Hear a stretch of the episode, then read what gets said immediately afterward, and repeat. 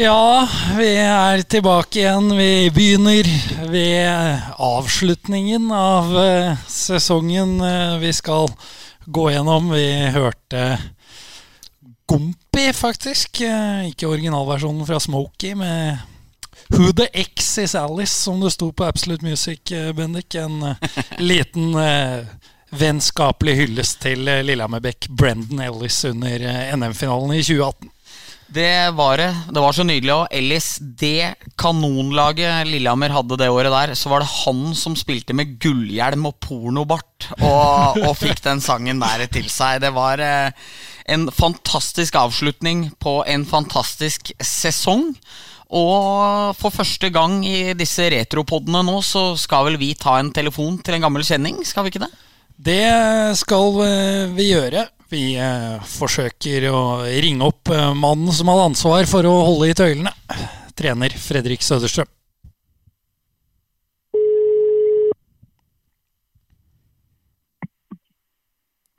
Nå funker. Nå er det bra. Hei, Fredrik. Nå kjører vi. Nå kjører vi. Hei, hei, Fredrik. Hei. Ja, Puckpoddens eh, aller største venn. Vi har jo omtalt Patrick Thoresen som det tidligere, men eh, nå er du inne for tredje gang. Eh, det er stort. Du ser jeg slår Patrick på fingrene.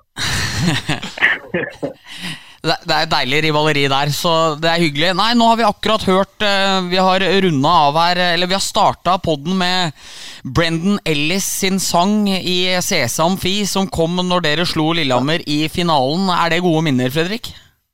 Who the fuck is Ellis? Who the fuck is Ellis? ja, det, det, är bra minnen. Eh, var det inte till slut att de förbjöd det där, men det sket de i och körde i alla fall, eller hur var det? Jo, det stemmer det. De hadde vel eh, Fikk forbud mot å vise Ellis på kuben, så det, i siste finalen sto det vel bare at eh, bildet ikke funka. ja, det er heftige minner. Hva, nå er vi jo på vei til å gå gjennom hele året. Hva husker du best fra det året dere vant eh, bøtta her, Fredrik? Ja, det, altså det er klart at Begynner man fra slutet så er det jo uunngåelig å ikke prate om liksom guldet og seieren. Men for meg er det på noe sett hele reisen, hele den sesongen med allt vad det innebar eftersom allt var nytt för mig och för Jeff och, och det var liksom ett äventyr att gå igenom hela den där uh, hela resan. Ja. Uh, så det finns väl olika små. Jag, jag minns att var det november eller något där vi hade 15-16 raka trepoängare eller något sånt. Ja. Uh, och när jag tittar tillbaks på det så är det brutala siffror. Så att med, med, så här med lite distans så kanske det var inte, det var inte så förvånande att vi, att vi gick bra och att vi vann. Nei, og inni, eh. inni der så er det en periode der dere til og med spiller Hockey Classic, eh, der Peter Forsberg eh, avgjorde sist gang det var hockeykamp som ble spilt. Det, det var en sesong det føltes som det skjedde mye i? Ja, men det var det. Det var jo mange liksom eventyr med alt fra den kampen till eh, liksom rekord i form av många segrar i rad. Vi hadde jo et, ett mästerligt lag, så var det jo det som, Jeg menar, jag förnekar inte någonstans at vi, vi skulle ha vunnet med det laget. Eh, og jeg tror ikke at det handler om, om meg eller en enskild spelare utan det var liksom en, en veldig eh, kombination av faktorer som ble oslagbart på noe sett. Eh, og å få de der små, små äventyren var, tyckte jag, ganska fräckt. Sen det här kan låta märkligt, men att åka till Stjärnenhallen ibland hade också sin charm. Eh, det, det, är lätt att bara prata om liksom, Vålerenga-mötet hemma och 6-7 tusen på tribunen. Men där och då så har det liksom, du måste ha det ena för att uppskatta det andra. Mm. Eh, och det här tror jag, det är väl kanske norska ligan, det är väl ett argument som jag kanske också klagade lite på och sa att det var för många sämre kamper. Men jag tänker också i SHL till exempel under november och december när det är liksom, det spelar ingen roll om det är Luleå mot Linköping eller om det är Växjö mot eh, Djurgården så, så, blir det liksom, det är ingen happy, det är ingen fest i alla fall. Nej. Så att eh, jag, jag tyckte det hade sin skärm men det är klart, de här större kamperna och höra hon Kine, Kina, heter hon? Kine. Kine. Eh, Riktig. hater vi Vålerenga. Den är ju liksom, det är sådana saker jag kommer berätta om länge för många. Ja, nei, det forstår jeg godt. Eh, Vi skal prate videre her om eh, første møte da du ble presentert som Storhamar-trener. og Hvordan var det, Fredrik, fra Oskarshamn? Jeg veit ikke hvordan mediebevåkningen er der, men min kollega Rune hadde jo sett bilen din, og det var nok til at du var eh, allerede nærmest klar for Storhamar. Det var mye, mye media, mye oppmerksomhet rundt både deg og din person. Åssen var det? Ja, men det var noe mer enn hva jeg hadde forventa meg, tror jeg faktisk. Jeg, jeg minns det där ganska väl. Den dagen jag var till Hamar första gången var ju samma dag som det var det här terrorattentatet i Stockholm på Drottninggatan. Ehm, och att jag minns det var för att mitt under våra samtal där så började det plinga i min telefon och jag, jag såg det där. Så att det där var, jag minns den liksom dagen av flera skäl. Men jag vet också att jag parkerade bakom Scandic där eh, och, och gömde bilen för jag tänkte om någon ser, men det är väl ingen som bryr sig. Sen hann jag bara sitta i bilen hem, då ringer någon från tidningen, jag kommer inte ihåg vem det var nu, eh, och frågade om det stämde att jag var klar för Storhamar. Och jag sa att nej, men de har hört av sig. Ja, men varför, varför stod din bil här idag då? eh, så då, då började jag kanske ana att det finns ett intresse. Sen vet jag att när jag kom dit för att bli presenterad så kom jag kvällen innan och så gick jag från tågstationen för då flög jag till Oslo till tåg och så skulle jag gå upp på hotellet där, eh, vad heter det nu igen, på torget där. Astoria? Astoria, exakt. Eh, och så skulle jag liksom hålla mig gömd över den natten. eh, och jag tyckte liksom att jag ville gå ut och titta lite grann hur det såg ut och sådär. Men nej, jag, jag höll mig gömd. Men då visade det sig att på samma hotell bodde norska landslaget.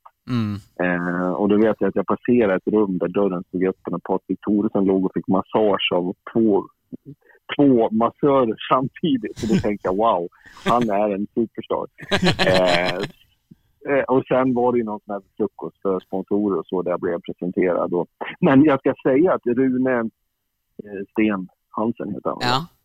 Eh, var ju ganska... För vad jag förstod så här i efterhand så hade klubben försökt att blåsa media lite grann. Man, man sa att det skulle liksom vara så top secret. Mm. Eh, och jag är dålig på att vara top secret så jag tyckte liksom att kan vi inte prata med den här? Men då var det bestämt att typ 15 minuter innan jag skulle gå in och bli presenterad så skulle jag få träffa Rune. ja. Eh, och då upplevde jag att ja, du var med kanske? Ja, det, ja der, der du ble presentert som uh, trener.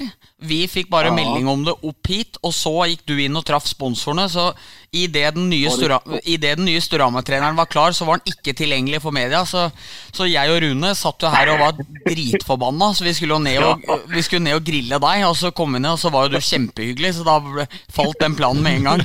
Ja, det, det minnet jeg har av Rune, det var at jeg merket verken at nu jävlar din svensk, svensk jävel, dig ska vi ta. Vi ska ta det hårt, så här kommer bli ett helvete för dig.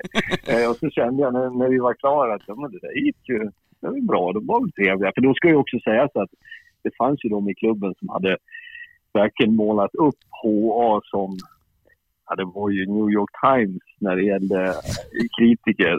Eh, och, och jag var liksom lite spänd på det där, för jag tänkte ni måste i alla fall ge mig en chans. Ni får väl skicka hem mig sen, men dag ett måste väl få vara lite trevlig då.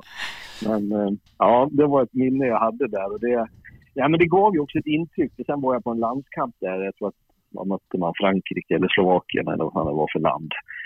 Eh, och då var det många som kom fram och ville hälsa och eh, sa välkommen. Jag fick direkt den där känslan av att, att eh, det, här, det här är liksom passande för mig. För det var, ja men folk var enkla. Det var någon som gav mig sin skärf, säger ni, hal- halsduk. Eh, som luktade apa. Det var nog använt sen förra guldet tror jag varje dag. Eh, och han virade den där runt min hals. Och jag kunde ju inte ta av den när jag stod inför så många människor. Eh, men eh, det var ju ett fint första intryck ändå.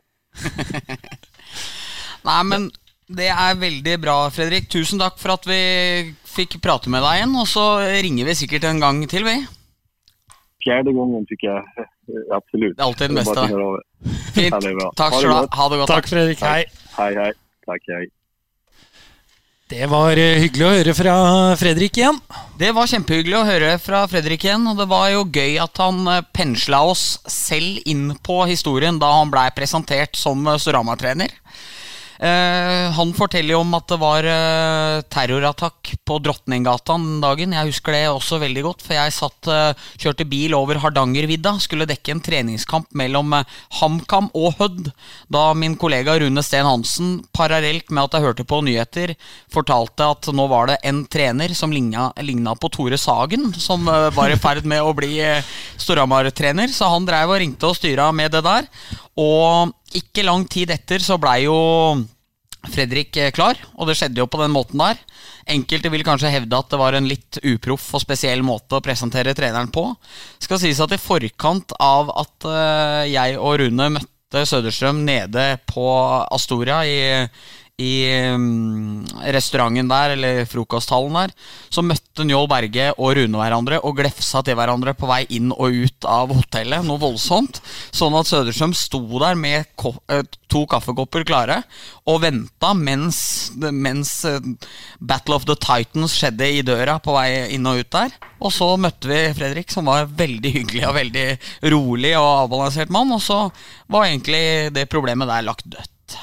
Ja, for det var eh, Vi må litt inn i materien her. Det var litt uh, betent der etter uh, 16-17-sesongen. Uh, vi har jo snakka om det flere ganger med Sjur Robert også, at han også fikk jo kjenne det litt på kroppen når resultatene uteble. At det ikke alltid var det beste forholdet til, til media. Og det, det, lå litt der etter Eh, den sesongen som ikke var så bra året før. Vi skal jo ikke kalle det fiaskosesong for da. Nei, nei, nei, det skal vi ikke. Nei, eh, det var, eh, det var Sånn er det. Det er et ordentlig elsk-hat-forhold. Og når Storhamar er forbanna på HA, så truer det alltid med å presentere ting på egen hjemmeside. Og det gjør de jevnt og trutt, og ikke skal la HA få det. Og ofte er det veldig sure hvis det har vært en HA-erfarer-sak i forveien. Det er det er, det, er, det, er, det er, miner for eh, Storhamar-folket. Så her hadde det vært en erfarersak på at Søderstrøm skulle bli Storhamar-trener i forveien. Og da ble det gjort sånn. Og vi skal jo snart uh, gå innover videre, for uh, det var jo en annen spiller som kom tilbake den sommeren her, som det da ville òg bli betent rundt. Men uh, vi begynner datoen for denne sommeren, for denne sesongen, med at 2. mai ble Steffen Thoresen eh, henta tilbake til Storhamar. Og da følte jeg, Eirik, at eh, nå skal Storhamar litt tilbake til røttene. Litt Hamar-gutter tilbake igjen. Sterkt navn, fysisk spiller. Hva tenkte du når han blei klar? Ja, jeg tenkte det samme. Og eh, jeg var også veldig spent på å se mottagelsen, for eh, Steffen Thoresen var jo den første i sin tid som, eh, som hadde Storhamar som moderklubb, som eh, gikk til eh, Vålerenga. Og det var det naturlig nok mange som ikke likte. Og det var ikke alle som kunne tilgi en riktig enda heller for det, selv om han var tilbake i gult og blått. Nei, det var det ikke. Fire dager senere kom en ja, enda mer populær overgang, fordi Jimmy Andersson var jo veldig godt likt. Og da var Jimmy tilbake igjen fra Asker. Nå var eh, det satt en strek over alt tull, og Jimmy var tilbake igjen. 13. mai ble Emil Frøshaug Storhamar-spiller. 16. mai, og nå går vi inn i, vi inn i et uh, litt vondt materie her, ble Martin Huse og Martin Gran ble begge fikk beskjed om at eh, det ble ikke Storhamar på dem. Det hadde vært klart lenge at de to Eirik Skastammen på en måte kriga om en siste åpen plass, og at eh, det da falt på Martinene som måtte ut. Eh, jeg gjorde intervjuet med dem, og Martin Gran sa følgende. De kunne snakket med oss tidligere, så hadde det vært klart før. Den nye treneren kjenner oss ikke, så det har ikke vært så enkelt for ham å vite så mye om oss, sier Gran. For det var jo Fredrik Søderstrøm som måtte ta the talk med to gutter han aldri hadde møtt før. Martin Blakseth Huset sier følgende Jeg har respekt for valget deres, men jeg reagerer på hvordan prosessen har vært. Det er flere uker siden vi røk ut av sluttspillet, og jeg har ikke hørt noe fra klubben. Fredrik ringte meg i går, og vi hadde en kort samtale der han fortalte at de ikke ville ha meg med videre. De kunne gitt oss beskjed før, sier Huset. Og begge disse to endte jo i eh, i eh, ligaer utenfor Norge, som ikke er i toppsjiktet heller, så Så det var seint og en litt kjedelig og betent sak at to Hamar-gutter blei avskilta 16. mai, men eh, sånn blei det i hvert fall. Det var det som eh, ble gjort. Vi går et eh, par dager til fram i tid. 18. mai. Da ble Kjetil Martinsen klar for Storhamar. Nybakt norgesmester i Stavanger Oilers. Spilt med brudd i tommelen i sluttspillet i Oilers, som gjør at han ikke har produsert de talla man kanskje hadde venta og trodd etter å ha vært helt strålende for Manglerud seriespillet. Men uh, Martinsen inn, det bar, uh, det bar preg av at Storhamar ville være med igjen. Det gjorde det. Og så kom man til uh, den virkelig store nyheten da, en drøy uke seinere, etter at Martinsen ble presentert. Det gjør man 24. mai. Da var det 'Return of the King'. Da var det Bysbarnet som kom hjem. Da var det Det var som om Michael Jordan gjorde comeback i Bulls igjen. Da var det Patrick Thoresen som hadde bestemt seg for å komme tilbake til Storhamar. Eh, hele laget satt i garderoben. Eh, HA, TV 2, NRK, VG var vel på plass. Det var uh, ordentlige greier. Det var uh, lova at det skulle være noe. Det var ikke med um, all respekt for f.eks. Simen Løve Hansen, så hadde ikke Storhamar sendt ut en stor pressemelding om at det ville være en stor overraskelse, og så skulle alle norske store medier stå der, og så skulle det være varsla at uh, Løve Hansen hadde signert på et ekstra år. Det var liksom uh, her, her var det virkelig på toppen. Eh, Patrick Thoresen satt inne i garderoben eh, med spillerne. Det var en sperrefrist eh, til klokka ti. At alle mediene skulle få møte Patrick ni.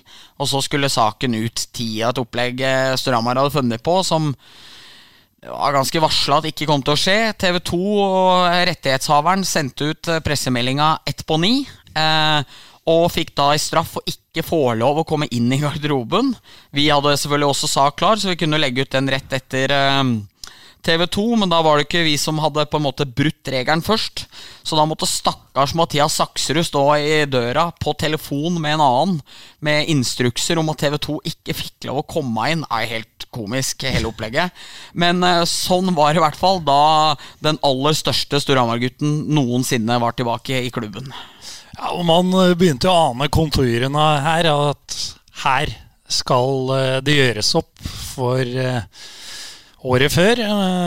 Og nå skal Storhamar ta tilbake makta i, i norsk hockey. Ja, og så satt man også med en følelse av at Patrick ikke var ferdigspilt uh, ute. Og man skjønte vel at uh, Eh, sesongen kom aldri til å bli avslutta, men de var jo også veldig nøye på at eh, Patrick og klubben hadde forhandla en avtale som gjorde at en eventuell klubb ville måtte tilbakebetale alt han hadde, pluss noe annet, som gjorde at Storhamar satt uansett med veldig gode kort, som etter hvert skulle skaffe Storhamar Josh Nichols, som eh, ikke var like god som Thoresen, men som var en meget god erstatter, og som ble en viktig mann i kampen om eh, kongepokalen. Og vi har jo ikke det intervjuet med her, men eh, i forberedelsen til poden så så jeg opp igjen det intervjuet, et av intervjuene med Patrick når han eh, ble klar. Og med fasit i hånd så syns det jo ganske klart, som du sier, at han ikke hadde tenkt til å være på Hamar i, under sluttspillet niks. Men det var nok fint for han og familien og for klubben. Og jeg tror hvordan de satte laget, hvordan det var for uh, Söderstrøm, hvordan det var for uh, alle med kulturen, så tror jeg Patrick var vanvittig viktig for uh, det laget her. Og han ble jo seriemester, selv om han ikke ble norgesmester med laget. Men vi reiser litt videre, fordi 18.6 så um, ringer Njål Berge til meg og sier at Robin Dahlstrøm er klar. Dette er to på elleve på kvelden. Er søndag kveld. Eh, det er dagen før Stefan Espeland har en frist eh, med å signere et eller annet sted. Så Storhamar er veldig kine på å få ut saken om at eh, Dahlstrøm er klar. Dahlstrøm en topp, topp norsk power forward. Han gjør jo i denne sesongen her sin beste sesong, syns jeg òg, som Storhamar-spiller. Er helt vanvittig god er så giftig og brutal og tøff å møte og scorer masse mål og komplementerer Larivé og Jensen på en eh, fantastisk måte. Så i hvert fall der kom han inn, og nå begynner det å bli et lag det lukter ordentlig fugl av. Men det laget som avslutter sesongen, er fortsatt ikke i nærheten av å bli lest opp ennå. For det går ni dager senere, og da kommer bekken Cody Curran eh, blir klar for Stramar. Han eh, det var jo ikke så mange som visste hvem King Cody var på Hamar ennå da. Det var Stian Bekkelund, eh, nåværende styremedlem. Eh, rekordinnehaver av antall matcher på rad. Tidligere supporter, eh, skal vi våge oss å si en liten supporterbølle, men som nå er blitt en voksen, dannet mann. Hadde sett den i sluttspillet i Danmark og var meget imponert og sendte melding til meg om at Cody kommer til å bli god. Og det fikk Stian meget rett i. Mitt første inntrykk var som vi hadde på trykk med Søderstrøm i går, at uh, Curran sendte meg en lang mail når jeg stilte han fire spørsmål. Det var uh, så lange svar at jeg måtte klippe ut masse, men han, uh, hvert fall, han var en dannet og ordentlig person som ikke kom til Hamar for å kødde. Og sånn er det jo heller ikke blitt. Nei, han er jo nå klar for NHL, så det er jo en brukbar karrierevei, det. Ja. Eh, ganske sjukt å tenke på at han uh, løfta bøtta i denne byen for uh, bare litt over to år siden. Ja, 787 dager siden, eller et eller annet sånt, tror jeg. Så um, nei, det er utrolig. Men, men forveien opp til det hele som kulminerer i den bøtta, er at Storhamar skal for første gang på lang utenlandstur, og de skal kjøre buss. Dette er et bevisst valg klubben gjør, for at uh, det er mange nye spillere inn. Det er mange som har gått ut. Og nå går turen ned til Bremerhaven. Men det skal stoppes innom i Sønder Jyske på veien ned. Uh, Sønder Jyske er jo på landlige Danmark. Det, er, ikke, det var ikke store byen. Jeg husker jeg bodde på sånn lite motell, nærmest, to mil utafor. Lite stusslig, fredelig. Storhamar eh, vinner 3-2. Patrick Thoresen spiller ikke. Og på vei ned hit, og på treninga før, så skader Anders Gulliksen kneet sitt. Som gjør at han aldri spiller for Storhamar igjen. Dette er hans siste tur på, på reisen. Det var jo synd, fordi han hadde starta veldig bra i en treningsmatch mot Lørenskog, så Strømmer hadde vunnet noen dager i forveien. Men uh, sånn blei det. Det ble mange, mange mil i buss for unge Gullik, som fikk være med på det. Turen går videre til et 2-1-tap i Bremerhaven. Der møtte gamle Chris Newberry, Detroit Red Wings, blant annet. Han uh, var så misfornøyd med passen fikk på morgenstreninga der, at han knakk kølla over benken, så jeg tenkte hva hva er dette her for noe? Det var masse buser, og det var ordentlig stemning. Over 2000 tilskuere. Fredag kveld. Folk var drita fulle. Det var slåssing på isen, og det var, ja, det var ordentlig hockeymatch allerede i august. Og Christian Larivé tror jeg er inne på et poeng som eh, som betegner det laget her. For han sier dette her etterpå til Hamar Arbeiderblad. Det er et surt tap, vi gjør et par feil, men vi kriger og kjemper bra. Vi kunne spilt bedre, men vi kriger hele tiden. Vi takler, jobber hardt og jobber som et lag. Vi har fått inn i laget det vi har manglet de siste tre-fire årene. Det er mye positivt, og vi har mye å gå på, forteller Larivé, som fylte år den dagen. Ja, og eh, det skulle han få rett i. Det skulle han få rett i. Nå beveger vi oss eh, en, eh, noen uker frem i tid. Det er serieåpning, og det er på Gjøvik, selvfølgelig. Det er jo alltid det. Det er det, og uh, som uh, har nytt godene av at mange hamarsinger liker å se Storhamar borte mot dem. Flytta serieåpninga dit og fikk det de ønska. 5000 tilskuere i, i Fjellhallen og, og, masse penger inn i, i St. Halvards klubbkasse. Ja, og for en kamp det var, og for en ramme det var. Og altså det hadde jo vært masse prat om Patrick Thoresen i forveien av den uh, matchen her. Han, uh, han, Kjetil Martinsen og Hampus Gustafsson danna førsterekka. Så kom liksom Larivé, som hadde vært skada store deler av sesongen før, med flankert av Jensen og Dahlstrøm. Og den rekka skårer jo alle måla. Ja, og dette har jo Larivé snakka litt om i flere intervjuer også, det der med at når han ikke har så mye press på seg, så, så trår han eh, virkelig til. Og det skulle vi jo få se eh, gjennom hele sesongen. Det er så rått, det første målet. Når han jobber fri pucken bak mål, liggende nærmest på knærne og får bare slått pucken bak ryggen inn foran mål. Der er vel Dahlstrøm som drar pucken inn fra ganske kloss hold. Og nei, det ble jo en fantastisk match. 4-3. Anders Myhrvold, legenden, gjorde comeback eh, da Patrick Thoresen var oppe og senka Tallak Lyngseth der. Så kommer plutselig Myra fra benken, drar på seg en tier og, og igler opp publikum. Så det var en fredag kveld på Gjøvik som eh, var helt fantastisk. Det er det ingen tvil om. Eh, den husker vi godt. Men eh, så eh, går man altså på et eh, tap allerede i neste match, selv om Larivé fortsatte der han starta og slapp, med tre skåringer i 4-3-tap. Larivé med rolig hat trick i 4-3-tap. Og en nøkkelsituasjon her er jo at Cody Curran blir jo dratt skikkelig ut av David Morley på det avgjørende målet. Uh, får seg en ordentlig Jeg får en tunnel òg, gjør han ikke det? På veien der, inn fra hjørnet. Og, Vi kan si det, ja. uten at jeg husker det. ja, nei, han, det er fall, han er en toe drag, og jeg mener han eh, kjører en ordentlig tut-tut på vei gjennom der, og så scorer han. Så der sto jo Storhamar, da, med kun tre poeng av seks mulig. Uh, Patrick Thoresen poengløs så langt. Eh, men eh, i løpet av eh, de første fem matcha så ble det jo tre seire. De var ålreit i rute.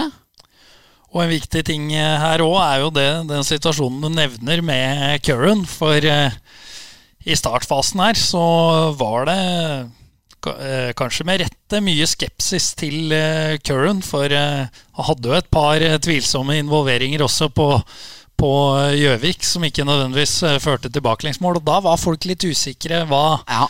hva er uh, dette her for noe? En bekk som ikke produserer så bra framover og spiller med skyhøy risiko, det ja. er jo ikke noe man ønsker. Nei, det er ikke noe den jevne Hamarsing ønsker det. Og ikke, ikke produsere samtidig som du spiller litt trøblete, men, men Curran skulle komme. Det var ingen fare med.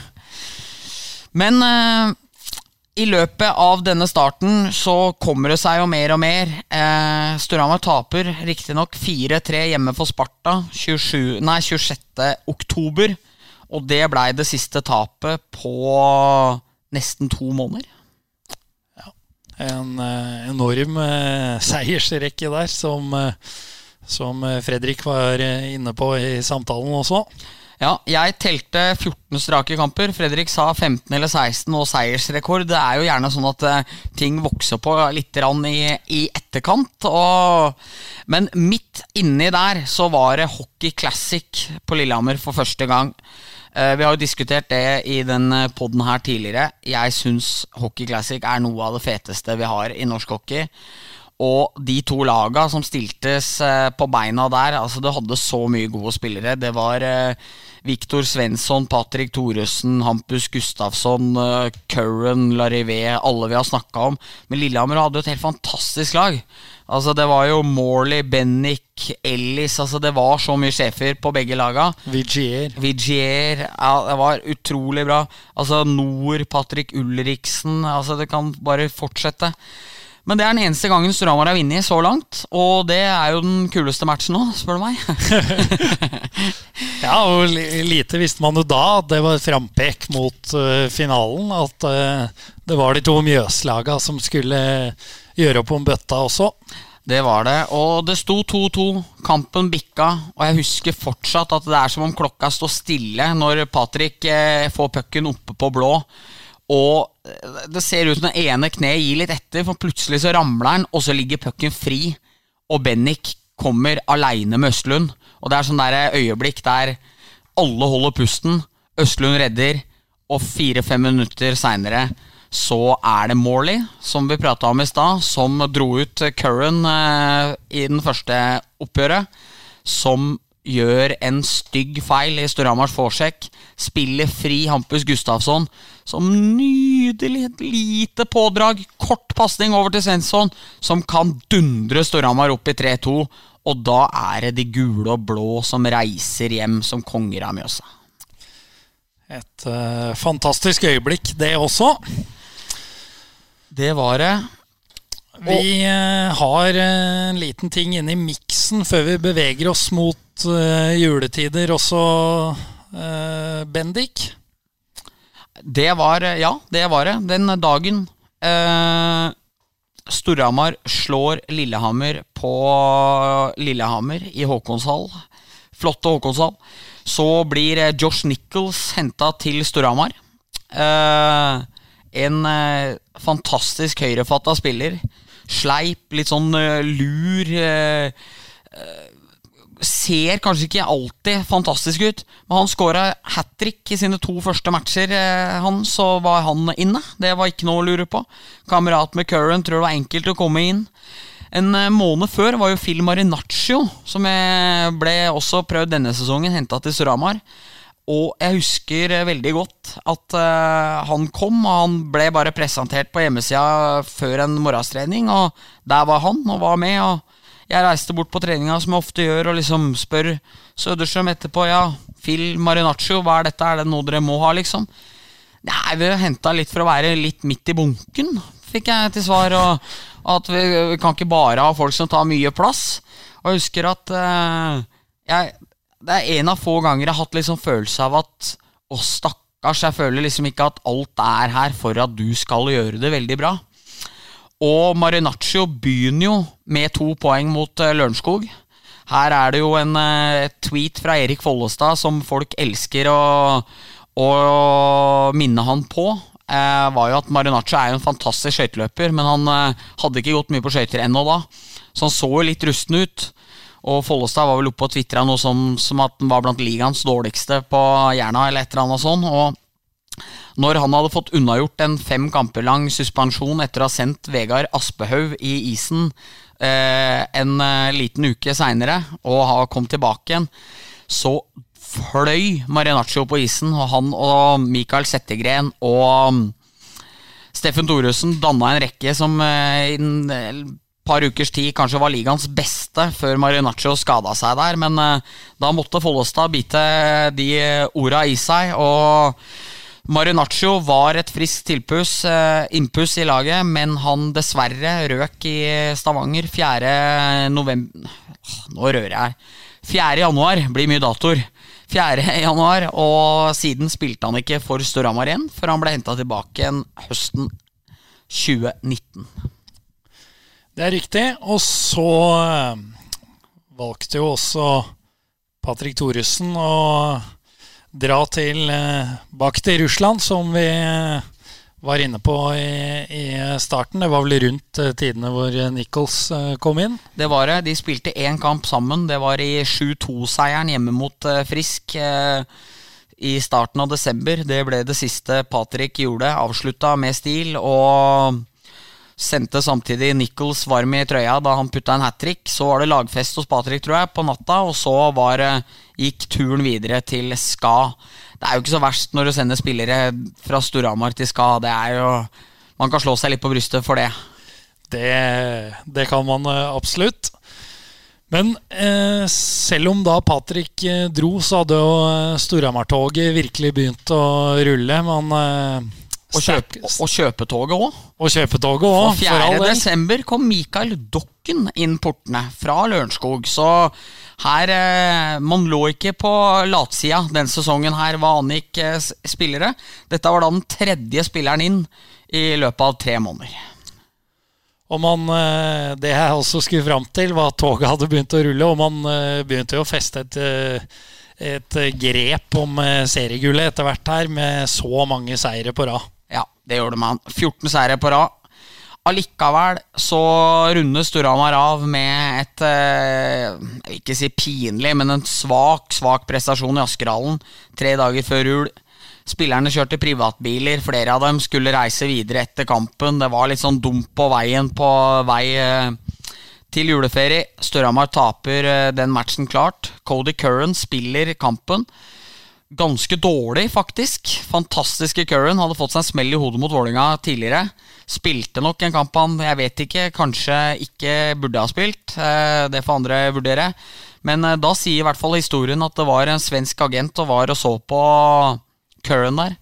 Og så én periode, og det var nok. Og tok flyet tilbake igjen og tenkte at dette var ikke noe for oss. Og kan være at den klubben i dag sitter med ørlite skjegg i den berømte postkassa. det kan, uh, se, kan se sånn ut med fasit i hånd, men det er vel lett å være etterpåklok. Det er det. Så kommer eh, romjula. Så kommer romjula. Taper eh, hjemme på Sudden, ja. men slår Lillehammer borte. Slår Lillehammer 6-4 borte. 3-3 etter første periode. Da velger Søderstrøm å bytte keeper. Robert Hestmann hadde fått muligheten den matchen her. Storhamar var heldig som hadde 3-3 etter første, for de lå under 3-1. Så veldig skjøre ut. Steffen Thoresen kom alene med Bengsberg og flippa pucken opp i krysset. Jubla mot Lillehammer-fansen. Og hvordan hørtes det ut eh, da, da Steffen forklarte dette etterpå, Erik? Du skårer 3-3-mål og hysjer på Lillehammer-fansen. Eh, hvorfor gjør du det? Det er, ikke, det er ikke ofte man hysjer sånn i første periode, men mot Lillehammer så kan man egentlig gjøre hva man vil eh, mot dem som fans. Hvorfor det? Jo, for jeg liker ikke Lillehammer. Klar tale fra, fra Steffen der. Er rene ord for penga, det. Liker du ikke Lillehammer, så kan du gjøre hva du vil mot demses fans. Så det ble gjort.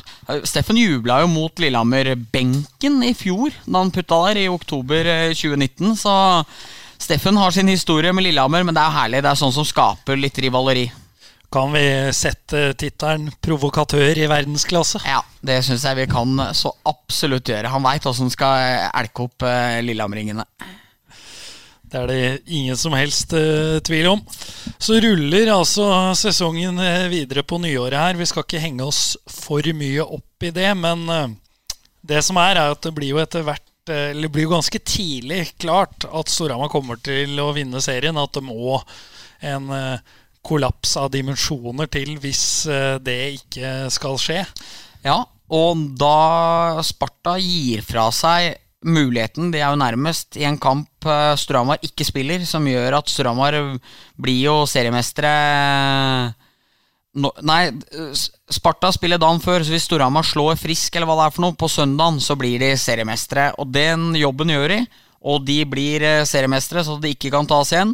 Det er feiring i byen, feiring på mm, Heia Hamar. Eh, fullt trøkk. Det er, det er, jo mange mange år siden Storhamar har vunnet noe, så jeg tror et seriegull har egentlig aldri betydd mer for Hamar og Storhamar enn hva det gjør da. Eh, selve seremonien skal jo gjøres hjemme mot Sparta en eh, søndag. Samme Superbowl-søndagen, faktisk.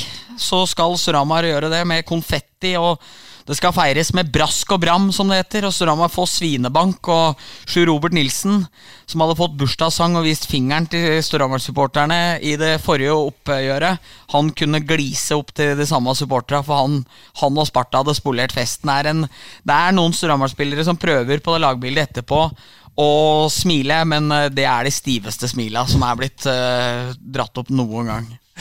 ja, det er jo litt ulempen, det, når du når du allerede er seriemester, og så skal det markeres med feiring, og så har du fått juling. Det, hvor mye var det de tapte? Var det 3-0? Ja, jeg mener det var det. Eh... Skåra altså ikke mål i, Nei, ja, det var. i, i seriegullfesten. For verdt å merke seg her er at eh, Storhamar taper faktisk fire av fem kamper mot Sparta denne sesongen. her Sparta hadde veldig bra lag med med Rutkowski, Greg Wolff, eh, Tommy Christiansen kom jo tilbake igjen underveis i sesongen. Så var det en liten eh, venstrefatta spiller også, som var jævlig god, som jeg ikke husker i farta hva het nå. Han skulle egentlig spille for dem året etterpå, men eh, mens signerte for et svensk allsvenskalag. Jeg husker ikke hva han het nå, han var også skikkelig god.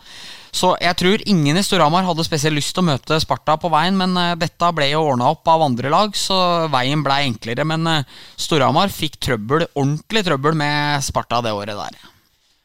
Ja, og uh, når det nærmer seg slutten, det var vel eh, to seriekamper igjen, hvis jeg ikke husker feil, så kommer altså Jakob Berglund eh, inn i tillegg til, eh, til en stall som allerede har blitt seriemestere ganske overlegent.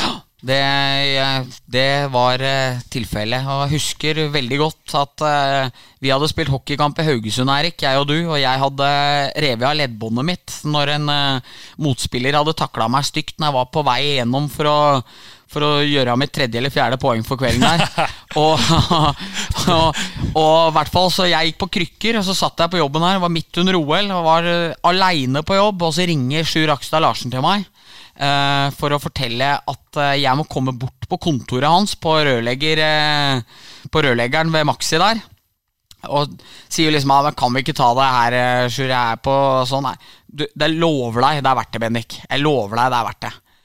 Ja, så har jo, får jo med meg Trond Lilleboe, for jeg må både For det første er jeg dårlig til å ta bilder sjøl. Og for det andre så må jeg ha skyss, for jeg klarer jo ikke å kjøre bil. For jeg går jo tross alt på krykker.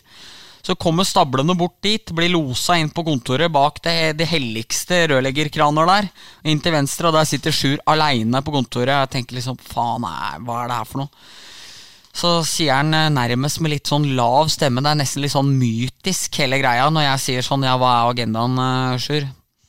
Eh, tolleren er signert. Tolleren? Ja, vi har signert den Jakob. Hæ? Bryter det bare ut av meg, da, liksom. Jeg skal prøve å holde meg så proff jeg kan der, men hæ?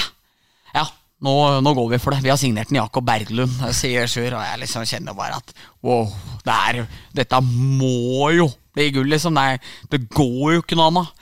Så der eh, reiser tilbake igjen, og pga. tyske klubben og litt uenighet eh, Nei, og litt enighet med at eh, de ønsker en eh, frist klokka ti, eller hva det er, så er i hvert fall det gjort sånn at vi ikke har veldig god tid. Så må rett tilbake, skrive og legge det ut. Og husker jo responsen på at Jakob Berglund en av de mest dominante løperne kanskje Strømar noensinne har hatt, var tilbake igjen, var jo helt enorm. Og Berglund gjør to seriematcher, dunker inn fem poeng, og supporterne syns ikke han har vært så god. Det husker jeg liksom var inntrykket. det er høye krav. ja, det er høye krav. Her blir det dundra inn fem poeng, men, nei, men Litt over to i snitt, det det, det holder ikke. Du ser at den har mer å gå på, var liksom eh, supporterne, flere supportere som mente. Så nei, da var Berglund tilbake igjen, og da var laget satt sånn vi ser det nå. Til sluttspillet så går Storhamar da inn med en uh, løperbesetning der de kan velge Josh Nichols eller Hampus Gustafsson. Det er jo to relativt dominante spillere i ligaen. Uh, de har med seg Jakob Berglund som førstesenter og Mikael Settegren som var igjen on fire i sluttspillet. Andre rekka er uh, Larivé, Jensen og Dahlstrøm. Uh, Tredjerekka, kanskje Strømars beste. Samtidig litt dumt å si det, fordi førsterekka pøsa inn så mye mål at det er helt ufattelig.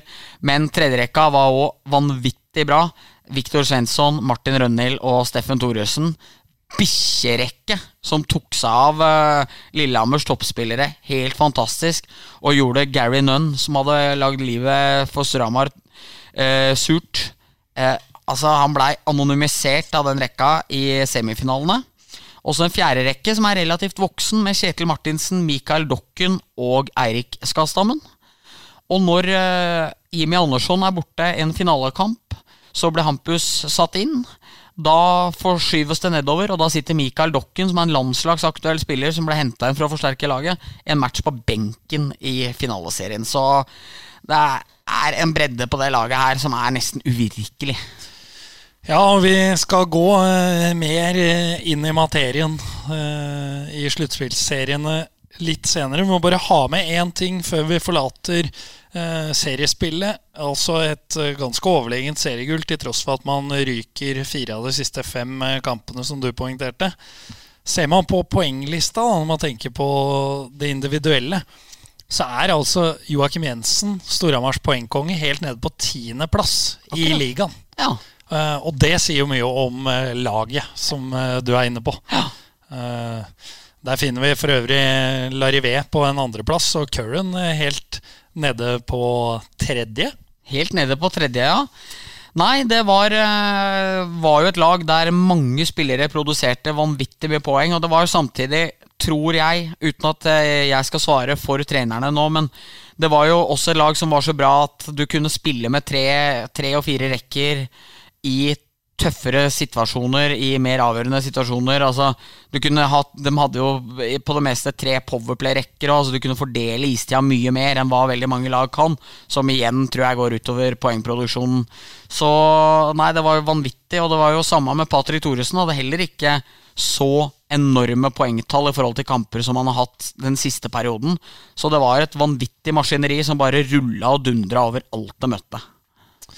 Det var det jo i eh, kvartfinalen. Der eh, valgte Storhamar eh, Lørenskog. Og, og Lørenskog valgte en 1-4-taktikk i kamp 1 på Hamar. Ja, og altså Ja, Kenneth Larsens gutter gikk ut med fire forwarder.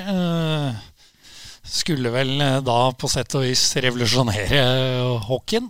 Eh, i hvert fall gjorde et forsøk på noe annet, for de visste de var eh, sjanseløse. Ja, det er kult å prøve, men eh, det ble vel Det var vel en sak om det i Romerikes Blad at de hadde vel ikke trent noe særlig på det heller. Det var litt sånn innfall på vei opp at nå skal vi sjokke Storhamar, og så sjokka de kanskje seg sjøl litt mer enn de gjorde. Så det ble litt trøblete for de glade Lørenskog-gutter, som ble maltraktert i den første kampen, og tapte jo da 14 14-2, eller noe? Var det ikke det? Ja, jeg har det her. Det ble 9-0. 9-0, ja. 14-2, det var jo enda mer. Det var litt rart av meg. 9-0 på Hamar, før de taper 9-1 hjemme mot Storhamar. Og ligger da altså Nå har jo ikke målforskjell noe å si i sluttspill. Eh, de som er glad i Storhamar, husker jo med gru kvartfinaleserien mot eh, Lillehammer. Det er korrekt. Så vet hvor lite det har å si, men da er det altså 18-1 i målforskjell etter to kvartfinaler. Ja, det var helt sinnssykt. Jeg husker Curran i Lørenskog i kamp to hadde hele seks poeng. Rolig og fint. Fem pluss 22 minutter på isen. Det, da gjør du poeng hvert tredje Nei, hvert, ja, hvert tre og et halvt minutt som back. Det er ikke så verst. Det er ikke så aller verst.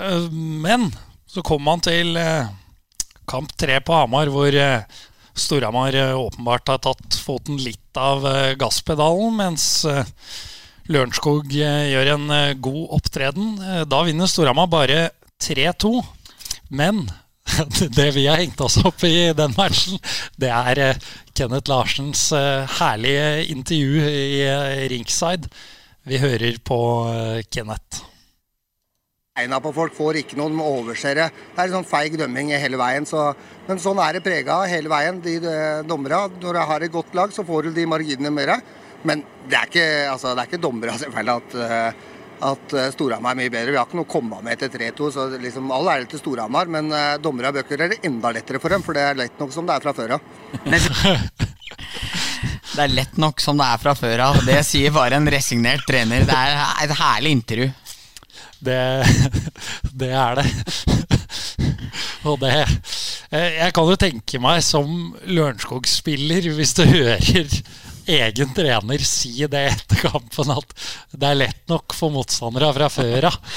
Om ikke dommerne skal ødelegge i tillegg, så, så er nok det en litt tøff beskjed å høre. Men uh, Kenneth Larsen var, uh, hadde resignert, og det hadde Lørenskog også. Ender 6-0 i i kamp fire i, i Lørenskoghallen. Og det, det, var jo en formalitet, den eh, kamp fire der, Bendik. Det var det. Og det verste er når jeg ser på lagoppstillinga til Lørenskog. Det er liksom en del bra spillere òg, men uh, det var jo liksom et, en klubb og et lag litt på vei ned, så Nei, det var, det var Det gikk trått for Lørenskog til slutt i det sluttspillet her, dessverre for guttene. Ja, eh, det har vi jo snakka om i tidligere podder. Lørenskog eh, er jo på gang igjen. Virker å ha noe bra på gang med ungt mannskap i førstedivisjon. Så det, det, er jo hyggelig å se at, eh, at de har den tilnærminga nå. Absolutt. Henta inn unge Vetle Salsten her forleden, så blir det spennende. Så håper vi at vi får se Lørenskog opp, fordi fryktelig fine presseplasser der. Det er blant de beste i hele ligaen. Så jeg ser gjerne at Lørenskog uh, tar steg opp. Og så vil jeg ikke si hvem jeg håper at går ned.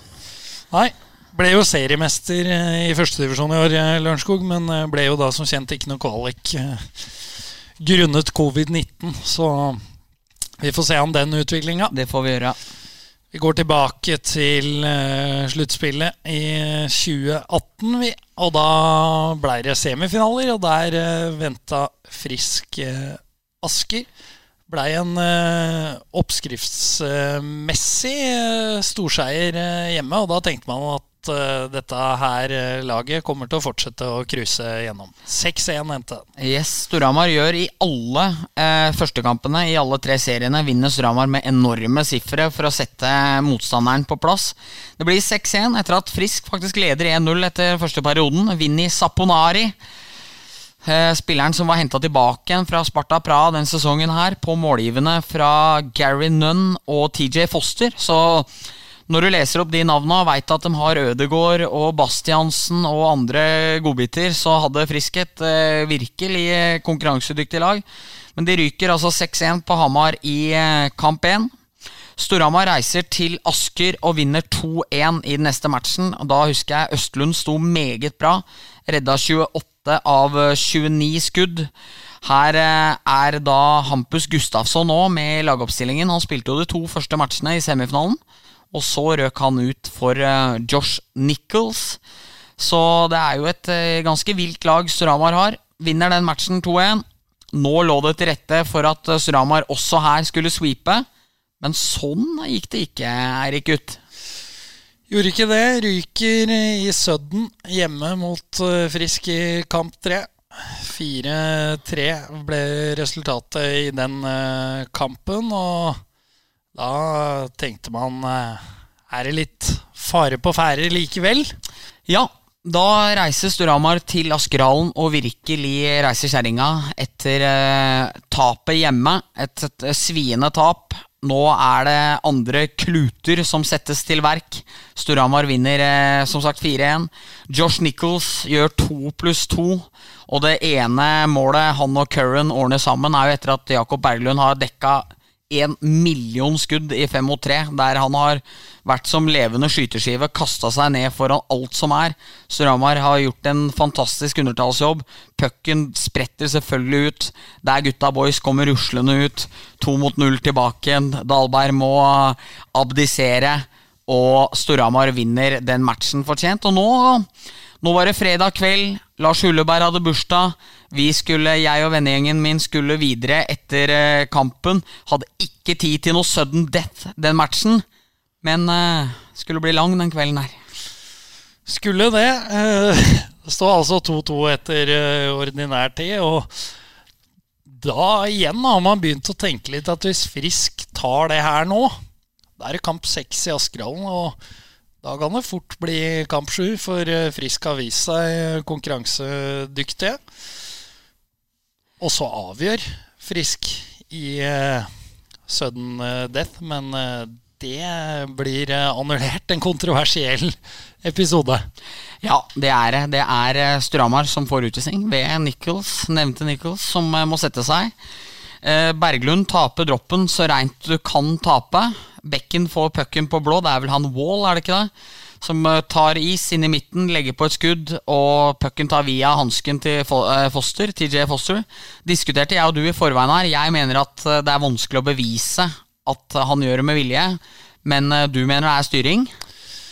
Ja, jeg huska det som eh, at det var veldig kontroversielt. Det, det er det jo ja, det er det. fortsatt. Eh, så jeg skal ikke gå bort ifra det. Men jeg husker at jeg var veldig i tvil og ikke kunne skjønne at det ble annullert.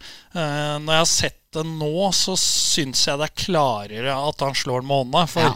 i den ene vinkelen ser du at pucken forandrer retning. Og fra den andre ser du at han liksom slår ned med hånda. Sitter jeg og viser, det er jo ja. lite podkastvennlig. Ja, men jeg får med meg, så jeg syns det er ålreit. men uh, jeg syns den var klarere nå enn uh, hva jeg husker det som. Og så er det jo mulig at de med Asker-sympatier er uenig i det. Det skal i hvert fall ta lang tid før vi får en avgjørelse, og Tor Olav Johnsen kommer ut og vorser målet. Dette er jo en uh, liten pekepinn på det som skal skje året etter, bare andre av veien. Men uh, Sturhamar får med seg den der. Uh, ny dropp i sonen. Berglund taper like klart en gang til. Det ble en kjempesjanse som ble liggende uh, inne i målgården. Uh, da eh, får Storhamar skifta mannskap, og de spiller av det undertallet. Det blir én periode til, og da er det selvfølgelig Jakob Berglund som avgjør, som sender Storhamar til en etterlengtet finale.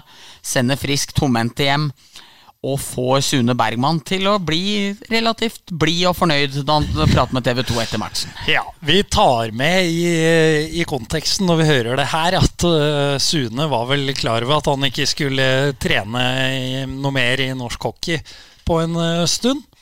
Begeret var fullt. Det ender til slutt med at det er Storhamar som setter den avgjørende her, etter en veldig kontroversiell avgjørelse som sørger for at dere ikke får spille kamp seks hjemme i Askerhallen. Hva går gjennom hodet ditt nå?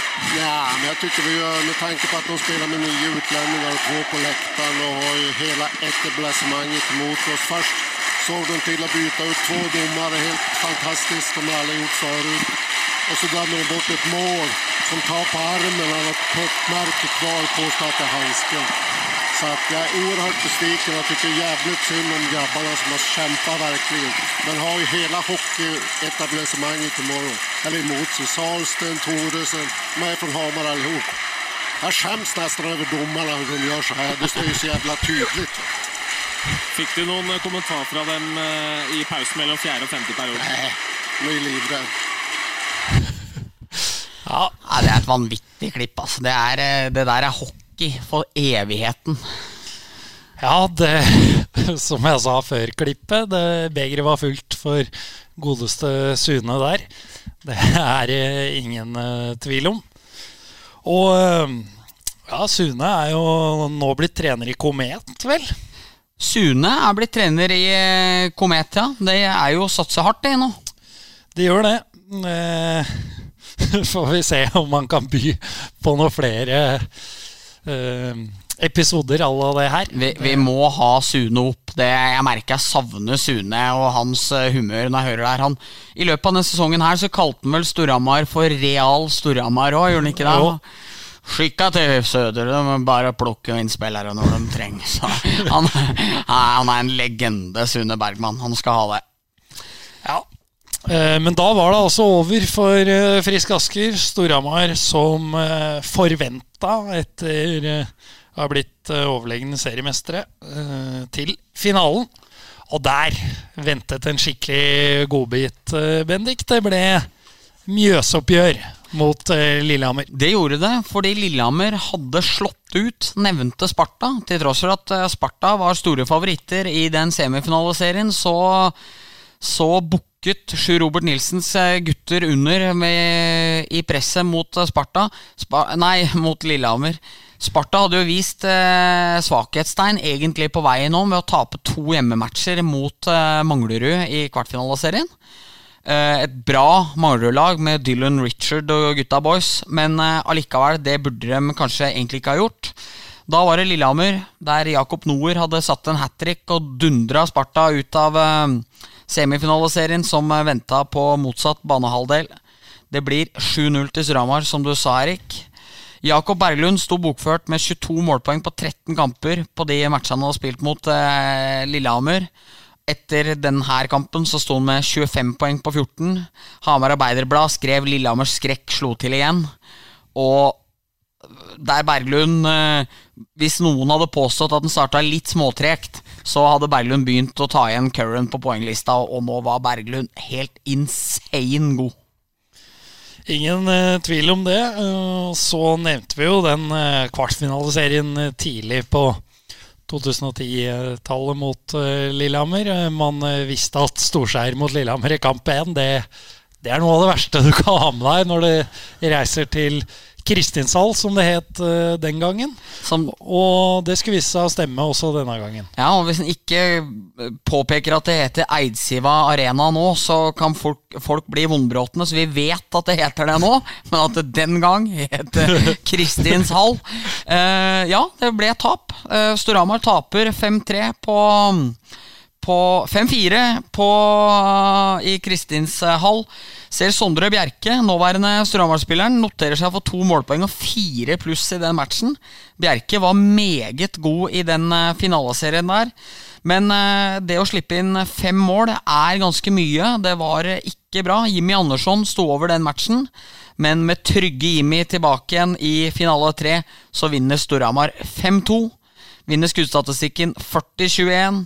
Jakob Berglund gjør eh, sine ett poeng. Curran 2. Og der er eh, serien eh, tilbake i Storhamars hender, og nå skal de opp til Lillehammer igjen. Ja, og der ble det, i motsetning til kamp to, et målfattig oppgjør. Men Cody Curran hadde jo vist sin verdi allerede, og gjorde det igjen. 1-1 etter ordinær tid.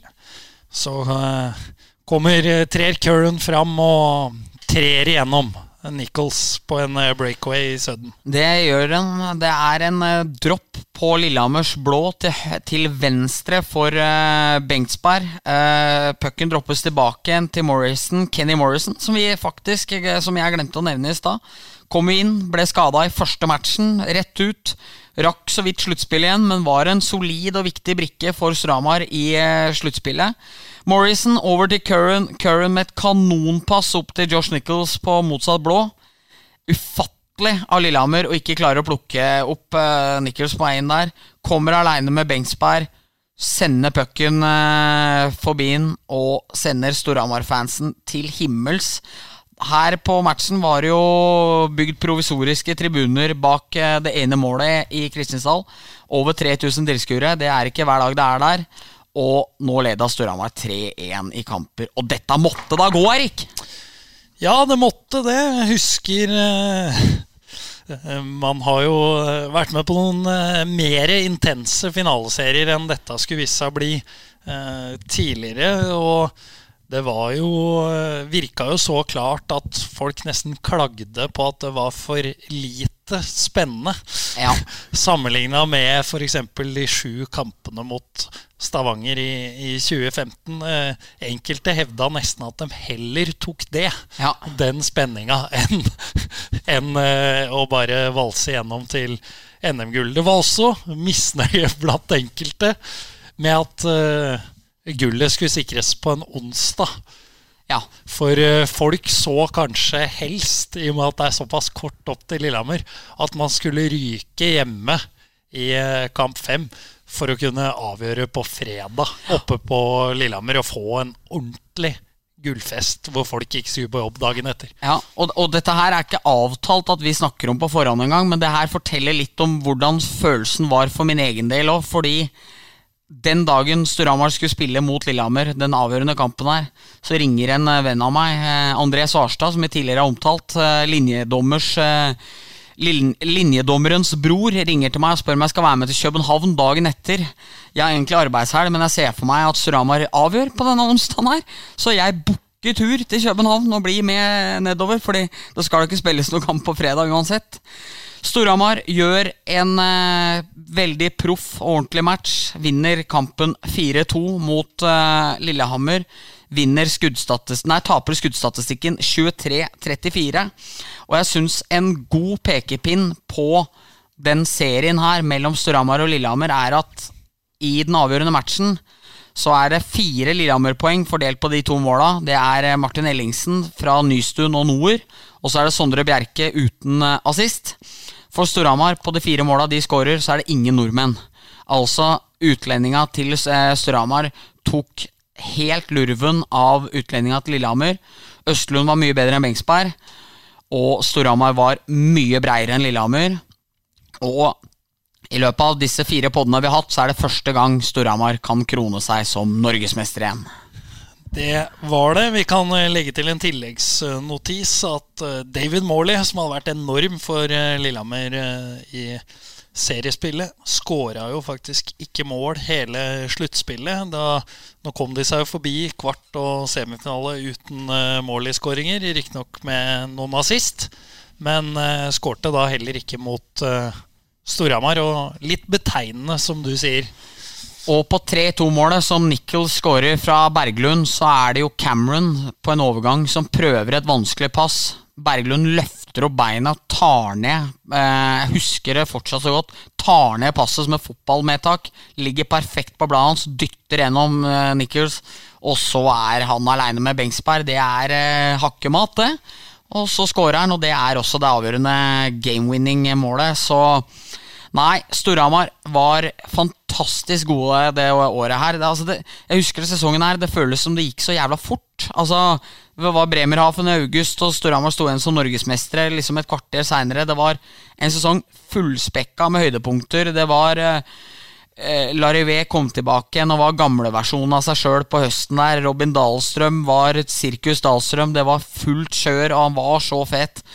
Storhamar var ufattelig ufattelig gode. Det var, eh, det var kult fra dag én. Søderstrøm satt og drakk vin på TV2 og gliste og var helt king. Thoresen gikk til ska.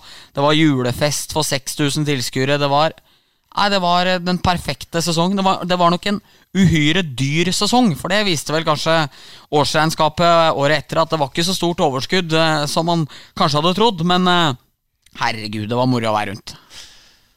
Det var det helt klart. Eh, vi må jo nevne eh, et av eh, øyeblikkene som, som mange husker som noe av det vakreste, som, når, som var når kaptein Cody Curran, som ble kaptein etter at Patrick Thoresen dro tilbake til Russland, overleverte bøtta rett til Christian Larivé, som hadde vært i klubben i så mange år blitt MVP i sluttspillet to ganger uten å vinne. Uh, og det visste nok ikke Curran heller, men repeterte jo historien litt der, da, fra når uh, Petter Salsten ga bøtta til uh, mester Erik i 95. Ja, gjorde det. Det var et helt fantastisk øyeblikk. Jeg sto jo nede på isen da sjøl sammen med resten av pressefolket som var der. Og husker jeg sto, så opp bak dem, og det var ikke mange tørre øyekroker å se da når Curran ga, ga talismanen en klem og overleverte bøtta til den, og Larivé sklei nedover mot sine kjære supportere, så er det et et av de absolutt største øyeblikkene i Storhamar-historien for, eh, for, min del. Helt enig.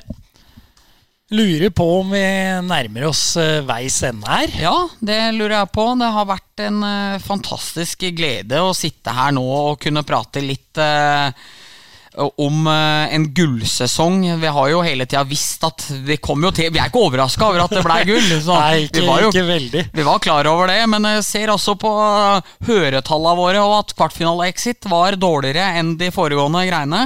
Så nå håper vi på strålende tall, og at folk er inne og rater oss eh, på fem stjerner. Og så blir det én sesongpod til, 18-19, og så går vi snart løs på noen ordentlige godbiter på sommeren her, Erik. Vi gjør det. Eh, som du sier, vi kommer tilbake med en 18-19-pod, eh, den siste i denne serien. Og så banker vi på med noen kjente og kjære gjester eh, etter hvert. Vi har noen navn på gang som kan bli fine å høre på. På gjensyn. På gjenhør. på gjenhør.